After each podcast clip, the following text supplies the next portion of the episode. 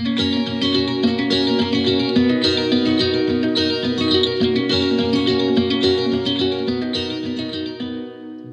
til Danske Bankers, podkasten for deg som vil vite hva som rører seg i markedet fra uke til uke. Mitt navn er Fredrik Ask Stensrud, og med meg i studio som vanlig så har jeg vår sjefstrateg Christian Lie. Velkommen, Christian. Tusen takk. Nå skal vi høre på hva som har skjedd denne uka her, men før det så skal vi selvfølgelig gå gjennom de makrotallene vi meldte om i forrige uke. Så hvordan gikk det, Christian?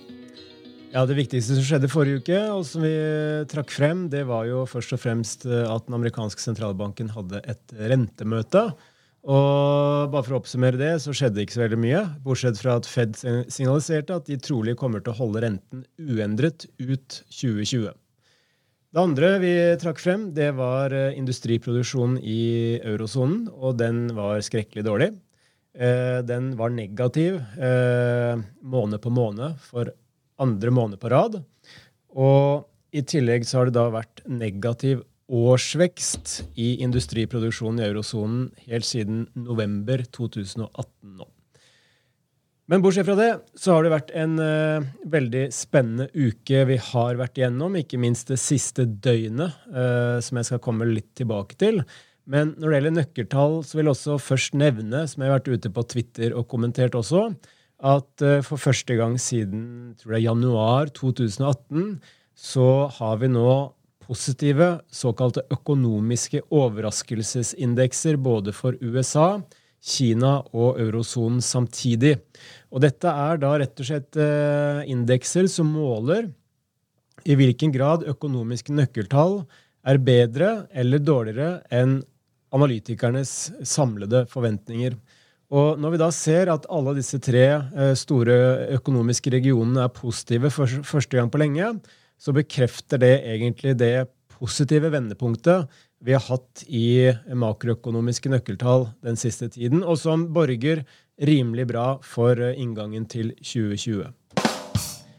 Bortsett fra det så har vi hatt eh, to ganske store nyhetssaker i, mediene det siste døgnet. Det første er jo åpenbart dette brakvalget for det konservative partiet i Storbritannia. Som eh, da betyr at eh, Johnson forlenger sin, eh, sin rolle som statsminister, og at brexit da faktisk ser ut til å skje 31.1. Og det tror vi faktisk kommer til å skje òg? Å ja. Det skjer med veldig veldig høy sannsynlighet. Nå har han fått et såpass stort flertall i parlamentet at det å få avtalen godkjent i parlamentet, trolig før jul, det anses nå mer som en formalitet enn det det har vært eh, tidligere.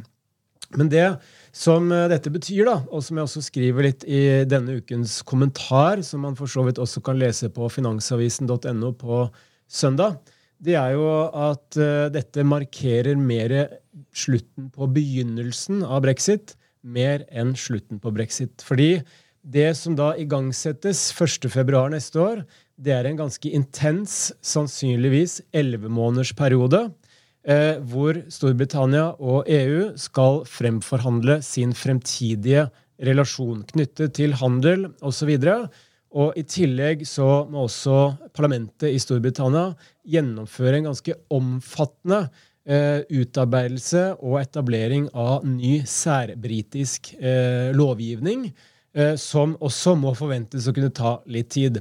Og Det som er eh, det positive her, det er jo at man får en avklaring. Eh, sannsynligvis så vil man kunne få en stabil regjering, en mer stabil regjering enn på lenge. Men det som er usikkerheten, er hvorvidt man rekker å gjøre alt dette her i løpet av elleve måneder. Og bare for å sammenligne tidligere handelsavtaler som EU har fremforhandlet med andre land, har tatt mellom fire og ni år å forhandle frem og ratifisere. Så her er det fortsatt usikkerhet hvorvidt de vil lykkes med å etablere en avtale rundt sin fremtidige relasjon innen utgangen av 2020. Og hvis de ikke klarer det, så er det faktisk en reell risiko for en no deal brexit, som vi har snakket om tidligere. Ellers så har vi fått uh, flere medierapporter uh, som uh, viser at USA og Kina har blitt enige om denne fase 1-handelsavtalen, som bl.a. da skal inkludere at USA dropper den varslede tariffhevningen som skulle skje på søndag, altså 15.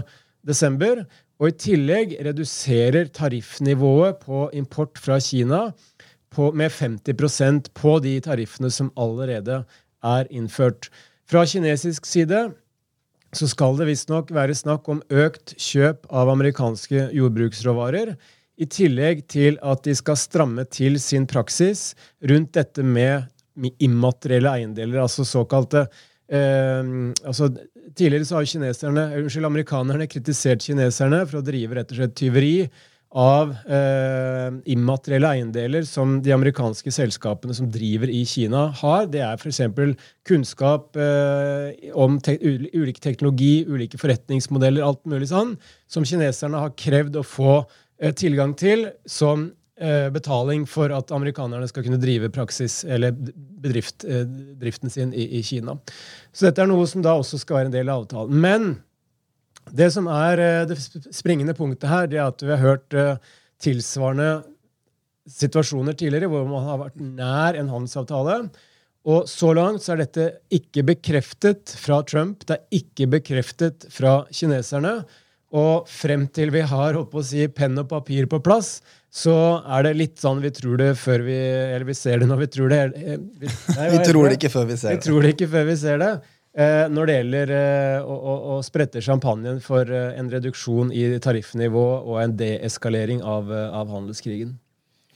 Ja, det er Jeg må innrømme at gjennom det her året her med sendinger, Christian, så har jeg en ganske loslitt tillit både til at vi noen gang får se noe brexit, og at det noen gang blir en handelsavtale mellom USA og Kina. Det har vært ekstremt mye om disse temaene gjennom året. Og for å være helt ærlig så håper jeg at vi snart er ferdig med det. Når det er sagt, så hva er det som skjer neste uke? Ja, Neste uke så får vi man, natt til mandag eh, så får vi denne såkalte Kina-tripletten. Jeg tror det er et begrep vi har funnet opp her i Danske Bankers, faktisk. Men da får vi tre ganske viktige nøkkeltall fra kinesisk eh, økonomi som går på detaljhandel, industriproduksjon og investeringer. Og det vil da kunne f.eks. bekrefte flere av de andre nøkkeltallene vi har fått fra Kina, som tegner et uh, bilde av en stabilisering og en viss bedring i aktiviteten. Onsdag klokka ti så får vi den tyske IFO-indeksen, som er en spørreundersøkelse blant uh, rundt 7000 tyske bedriftsledere. Og vi vet jo at tysk økonomi er en utfordrende situasjon, spesielt på industrisiden. Det er varslet nærmere 100 000 oppsigelser nå så langt i år. Men eh, den såkalte eh, endringstakten har blitt positiv i nøkkeltallene. Eh, flere indikatorer har trukket opp fra ekstremt lave nivåer. Og den tyske IFO-indeksen vil være ganske viktig sånn sett i å spå retningen videre for tysk eh, økonomi. Og på fredag så får vi amerikansk forbrukertillitstall klokka fire. Og dette er normalt ikke det som driver markedene mest, men fordi vi er i en litt sånn twilight zone eh, i overgangen mellom det som har vært en eh, oppbremsing i økonomien, til å bli en liten vekstakselerasjon, så er det fortsatt veldig avgjørende hvordan det går med de amerikanske forbrukerne, og hvordan de ser på sin egen økonomiske situasjon. Og Fortsatt så er stemningen generelt veldig god blant amerikanske husholdninger. Og, og Hvilke av disse tre tallene vil du si er viktigst? Og da tenker jeg spesielt for markedet. Eh, den viktigste er nok den vi får i starten av uken, vil jeg si, i forhold til eh, Kina. Fordi hvis de tallene overrasker positivt, så vil det kunne gi ytterligere bekreftelse på at eh, økonomien er på riktig vei. Ikke bare i Kina, men også at det kan gi en positiv impuls inn til resten av verden. Ikke minst Europa. Veldig bra, Kristian. Jeg skal ta markedsbevegelse siste fem dager og også oppsummere de viktigste sakene for neste uke. Men før det så skal jeg plugge litt. Uh, I den streamen her senere i dag så vil du også kunne høre en uh, spesialsending om sentralbankenes rolle. Så da oppfordrer jeg deg til å høre på det hvis du syns det er spennende. Uh, så kan du også følge Christian på Twitter hvis du vil ha mer kontinuerlig strøm av markedsinformasjon. Og hvilken Twitter-handel er det du har, Christian? Det er alfakrøll lie chr. Alfakrøll lie chr. Gå, følg han der på Twitter. Da tar jeg markedsbevegelse siste fem dager. OECBX opp 1,5% SMP 500 opp 1,6% Eurostox 600 opp 2,8% og oljeprisen opp eh, 1,3% De viktigste sakene for neste uke er at vi får Kina-tripletten eh, Kina-tripletten klokka tre på mandag. og Det er da industriproduksjon, detaljhandelsvekst og investeringer. Så får vi tysk IFO-indeks. Det er da en spørreundersøkelse til 7000 industriledere, hvis ikke jeg tar feil, Kristian. På onsdag klokka ti. Og på fredag klokka fire så får vi forbrukertillit fra USA. Det var alt vi hadde i ukens Danske Bankers. Vi høres.